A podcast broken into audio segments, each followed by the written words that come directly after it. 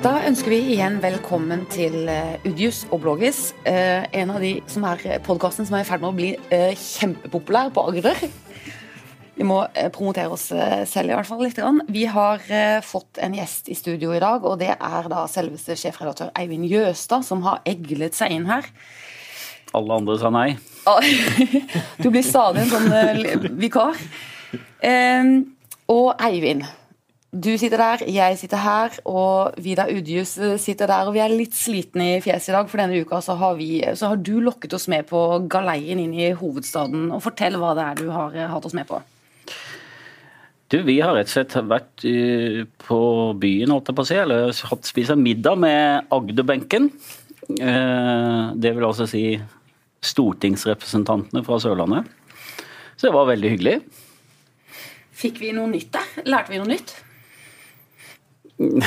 Vi lærte i alle fall at de fleste av de bor i samme blokka, og at det er såpass trangt mellom verandaene mellom de at en kveld Ingunn Foss hadde selskap, skråstrek fest, så ble det klag på at hun ikke hadde nok dessert. Men da hadde hun altså kikka over verandaen til Kjell Ingolf Ropstad og sett at oi, på kjøkkenbenken der så står det ei bløtkake. Og gått rundt og banka på, og jo visst kunne hun få bløtkake. Så der var desserten redda. Oh. Så um, det, det, er livet i Oslo for stortingsfolkene. Så kjekt. Det er hyggelig å høre at de har det kjekt der. Vi lærte vel også, da, apropos desserter, at eh, det har Ropstad slutta med. Det og fotball, faktisk, etter at han ble gift. Så Begge det, deler. For et liv. Ja, det er det hardt. Ikke bare å være stortingspolitiker, men også å være gift, tydeligvis. Ja, men bakgrunnen for denne middagen det, var, det, er rett og slett en idé eh, som har plukka opp fra Stavanger Aftenblad, vår kollega der, som visstnok i flere år har hatt en tradisjon med at de inviterer ut Rogalandsbenken på en middag en gang i året. Eh, og det, det snakka vi litt om her, og det burde kanskje vi gjøre òg. Så snak, uh, tok vi en telefon til Åse Michaelsen, som da er leder for uh, Agderbenken. Uh, hun syntes også det var en god idé, og så ble dette uh, noe av. Så kan jo det høres ut som ikke det er litt sånn halvkleint, da. Media og politikere. Skal ikke vi passe på politikerne? Skal ikke vi ha litt avstand til dem? Og jo, det skal vi, samtidig som det er viktig for oss å, å kjent, eller være kjent med hverandre og kunne diskutere eh, våre roller opp mot hverandre. Så det var jo en viktig del av det, og som hvordan det samarbeidet fungerer. Men, men hva tenker du, Eivind, i lys av ei tid hvor eh, den amerikanske presidenten eh, vant på sin kamp mot elitene, eh, blir vi på en måte sausa litt sammen med eliten i Oslo? Ja, vi tulla vel litt med det òg under den middagen, at dette er jo eksempel på the establishment, på en måte. Eh, så kritikere vil jo kunne hevne det. Eh, nå har jo journalister og redaktører alltid drevet med kildepleie. Det er eh, viktig. Vi, vi, lager bedre journalistikk på våre stortingsrepresentanter hvis vi vet hva de driver med, og har kjennskap til hva de er opptatt av. Så jeg, har, jeg, føler jo uh, at det er veldig greit å ha en sånn uh, en prat med de, uten at uh, det går utover distanse. Og så synes jeg jo at rolleforståelsen er jo nokså klar for alle. Politikere på et såpass høyt nivå er jo godt vant med at de kan ringe inn og, og melde inn tips og gi føringer for sak og komme med synspunkter og sånn, men at det blir avvist eller ignorert, eller at vi velger å gjøre det på andre måter og sånn, det er jo syns jeg noen ganger er vanskeligere å få eh, mm. altså folk som ikke er så trent i det politiske livet, til å forstå eh, medias rolle kontra politikernes rolle. Mm. Men kan vi si noe om Agderbenken? Altså, hva slags eh, park av mennesker er det vi satt og spiste med i går? Nei, i denne uken. Det hørtes jo eh, ut som vi var der med en litt eksotisk gjeng, men de er vel omtrent som, eh, som oss, på godt og vondt, er det ikke det? Eh, samfunnsengasjerte mennesker med bakgrunn fra eh, noen ordførere, andre bakgrunn fra andre sektorer. og det jeg opplever at de i stor grad har felles når de kommer inn der, det er, eh, det er jo et genuint ønske om å jobbe for, eh, for landsdelen. Og så, så, driver jo vi kritisk journalistikk fra vår side og ser hvem som på en måte klarer, klarer det i praksis og, og ikke. og så har de jo forskjellige utgangspunkter. De tilhører forskjellige partier, og noen er i opposisjon og sitter i ørkenens dype dal, og mens andre er på innsida og, og, andre igjen er på vippen, sånn som Kjell Ingolf Ropstad og Hans Fredrik Røran fra KrF sitter på vippen og kan på en måte brekke gjennom saker som er, som er viktige for landsdelen i enkelte tilfeller. Og så har vi jo denne uka hatt Forrige uke allerede hadde vi jo den fengselssaken Froland-Mandal, hvor f.eks. Kjell Ingolf Ropstad satt på vippen og, og, nok var med og påvirka den endelige løsninga. De var veldig fornøyd med én ting da, som, de, eh, som, ikke jeg visste om, men Adresseavisa hadde visstnok hatt en kåring av hvilken uh, benk som var best til å samarbeide. Som jobbet best? Jobbet best sammen. Ja. Og der hadde Agderbenken vunnet. Det var jo litt uh, overraskende for meg, må jeg si. For en, en av de tinga vi har uh, kritisert, er jo at vi ikke har Det har ikke sett sånn ut fra, fra vår stol at de er gode til å, å samarbeide. Mm. Vi har jo vært kritiske til at Agderbenken er lite synlig på Stortinget og har få uh, sentrale posisjoner. Eh, så har jo det vært bedre i denne perioden her. Eh, eh, og de er jo veldig stolte, særlig av hva de har fått til på samferdselssida. Det som var mest overraskende med det at Agderbenken jobber så bra, da, som vi ble Sammen. fortalt i går, var jo at de hadde tipset det til Federlandsvenn, men politisk redaktør hadde antageligvis ikke syntes det var en sak. så det fikk vi ved den enden av bordet litt pepper for. Mm. Ja, ja. Men kanskje det er et problem som veldig mange avisredaksjoner landet rundt alltid ville gnage på, at våre politikere er ikke flinke nok. Men vi har jo klaget på det ganske mye. og hvem Altså, Vi har ikke noen ordentlig sånne store, sterke nasjonale politiske stjerner, og vi er dårlig representert i statsrådsstoler og sånn og sånn. Hvem er den største politiske stjerna på Agder nå, Eivind? Den som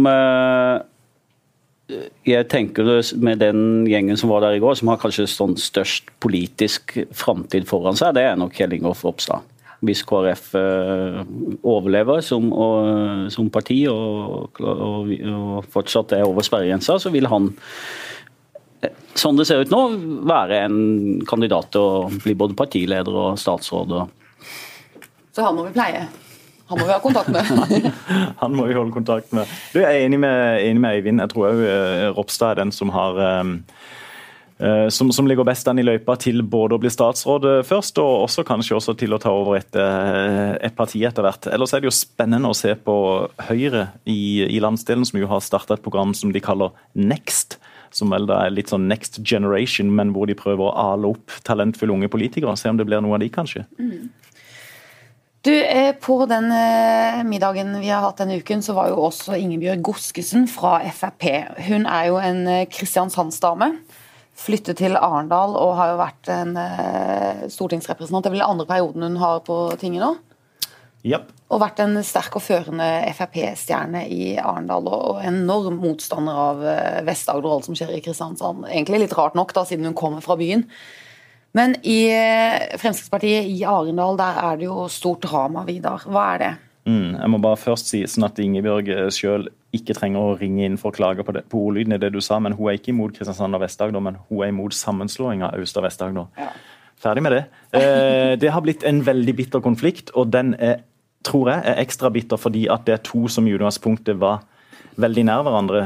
Ingebjørg Godskesen og Åshild Brun Gundersen de, eh, de, sto veldig close og har liksom alltid opp igjennom eh, gitt inntrykk av og, og sagt det utad, mens nå uh, jakter de begge på samme førsteplassen på stortingslista. Så vant jo Brun Gundersen kampen på ordinære nominasjonsmøte, men siden Brun Gundersen da tre-fire dager senere stemte for ett Agder og sikra flertall for at det blir ett Agder, så har da eh, en god del i Aust-Agder Frp som var misfornøyd med det, de har krevd og fått gjennomslag for at det blir nytt nominasjonsmøte. Og nå går eh, både Jungeltelegrafen og, og, telefonen rundt forbi mellom Frp-politikere i Aust-Agder, eh, til dels på et ganske lavt nivå. Med beskyldninger om eh, kjøp og salg av posisjoner for å stemme sånn og slik. Eh, og det, det, er ganske uvisst hvordan det går om et par uker på det nye nominasjonsmøtet. Så du har ikke noe tips om hvem som vinner den eh, kampen? Eh, eh, ting tyder på forskjellige utfall, men hvis jeg skulle tippe akkurat nå, så tror jeg Åshild Brun Gundersen drar det i land. Men, eh, men jeg tør ikke vedde ennå. Nei. Du, det er jo litt rart med Fremskrittspartiet, fordi de eh, gjør seg jo litt store og sterke på eh, motstand mot elite og sentralisert makt osv. Men det er jo også internt i Arendal Fremskrittsparti så er det jo en sånn elite folk flest-tenking hvor eh, eh, Goskesen representerer folkeviljen, og Brun Gundersen skal liksom eh, gjøre som de store pampene vil. Mm. Men, men, så, men, sånn, men, sånn, eh, jeg tenker overalt hvor det, hvor det, er politisk makt, så dannes det jo i anførselstegn eliter som, som innehar den makten. Og alle de vi snakker om nå, tilhører jo eliten, eh, sånn lokalt og, og, og regionalt. Eh, så det er mye sånn merkelapper som blir, som blir klistra på det. Men men, men, det ligger, det ligger åpenbart en, selv om de er nokså nære hverandre politisk, så ligger det en, veldig forskjellig eh, markering og framtoning mellom de to, to kandidatene her. Brun Gundersen, som, eh, som snakker om på en offensiv måte om modernisering og nye strukturer, f.eks. av større regioner, når ikke de klarer å avskaffe fylkeskommunen.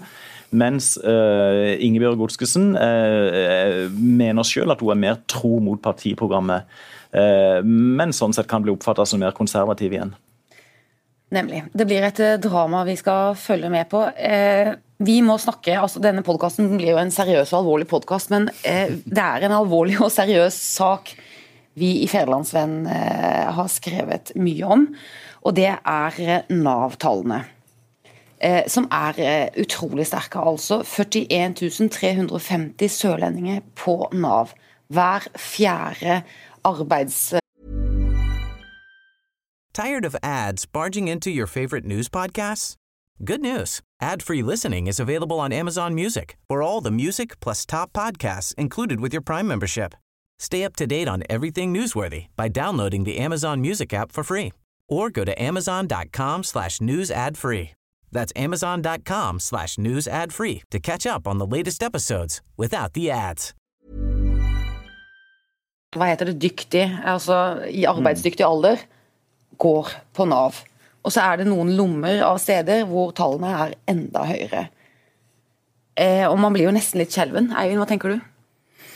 Det er veldig øh, høye tall. Uh, og uh, de gjør, de gjør, inntrykk fordi uh, det er en så stor mengde. Uh, det er veldig mange unge. Vi uh, hadde jo en sammenligning der med at det tilsvarer 80 skoleklasser som er, på en måte er utenfor systemet av de aller yngste arbeids, altså i arbeidsdyktig alder.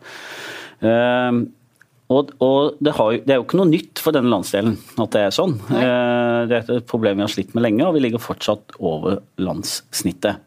Nå skal det sies at det er høyt i landet også. Så vi, det er jo på en måte at Velferdsstaten fungerer på det, men kanskje også mot sin hensikt.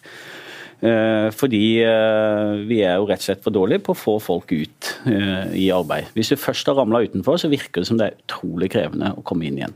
Ja, for Det mest skremmende her er jo antallet unge som eh, er på arbeidsavklaring eller på en eller annen måte er i Nav-systemet. og Det er jo det også ekspertene liksom frykter, da, mm. at det biter seg litt fast, og at denne løse tilknytningen eh, vil vare ved. Mm. Men, men, det er jo også for, for, uh, for, det, det, er jo av og til lett uh, i den vanlige debatten når en snakker om alle som er på Nav, og på en måte være litt sånn nedlatende, nedsettende mot, mot de som da ikke er i jobb.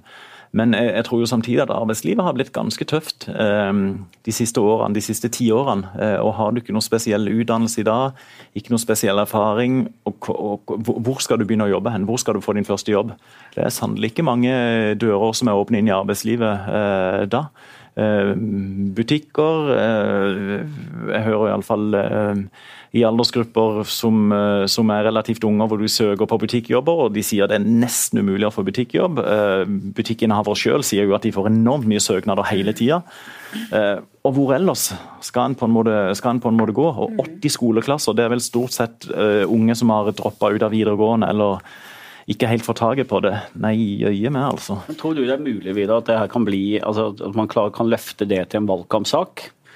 Eller er det, er det, er det ikke en vinnersak, derfor vil ikke eh, ja, partiene si. fremme jeg, jeg, tror, jeg, tror kanskje den viktigste grunnen til at det ikke blir en valgkampsak, er at ingen har noen sterke, klare løsninger på det. Og også fordi at det er jo så enormt vanskelig. og vi, vi har jo det har vært litt sånn tema til og fra i mange år, mange tiår egentlig. Det, men, men, men, de eneste statistikkene vi egentlig diskuterer i valgkamper, det er arbeidsledighetsstatistikken. Men det er jo folk som går inn og ut av arbeidslivet. mens oh, alle de andre det virker nesten som uh, i, i, forhold til politisk retorikk som de er oppgitt.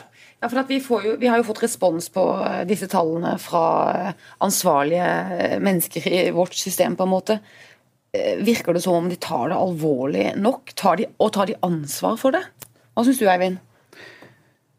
Um, jeg jeg syns han Nav-sjefen her, altså han Per Lund, mm. han uh, er veldig tydelig.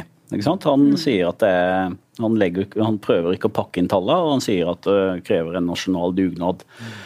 Mm. Rådmannen i Arendal har vært klar på dette her, Harald Danielsen, i veldig mange år. Sier at dette er et kjempestort problem. Uh, og det, det, det finnes sannsynligvis ikke lokale løsninger på det. Det må andre virkemidler til. Og da er det kanskje at politikerne forsømmer det her. Eh, fordi det, som Vidar sier, det er ikke noen gode løsninger på det, og det, har, og det vedvarer. Mm. Og vi bygger da opp så altså det, det, er for mange som da faller utenfor systemet, og det kan igjen få eh, dårlige konsekvenser for samfunnet. Det er ikke bra hvis det er et, eh, de som jobber og de som ikke jobber. Og så går det jo i arv. Eh, rådmann Harald Danielsen snakket jo om eksempler på andre- og tredjegenerasjons ja. Nav-brukere. Vi vet at det smitter. Mm.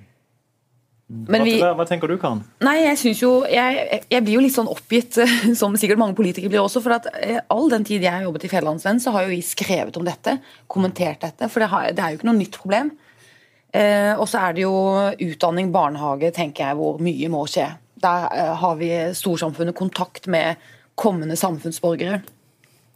Og så er det jo dette med det fagbrevene. ikke sant? Hvis du, som du også sier videre, at hvis du skal inn i arbeidslivet i dag, så er det, det er ikke noen enkel måte å komme inn der på. Du må på en måte gjennom ganske mye teori uansett om du skal ha et yrke som ikke krever det i utgangspunktet.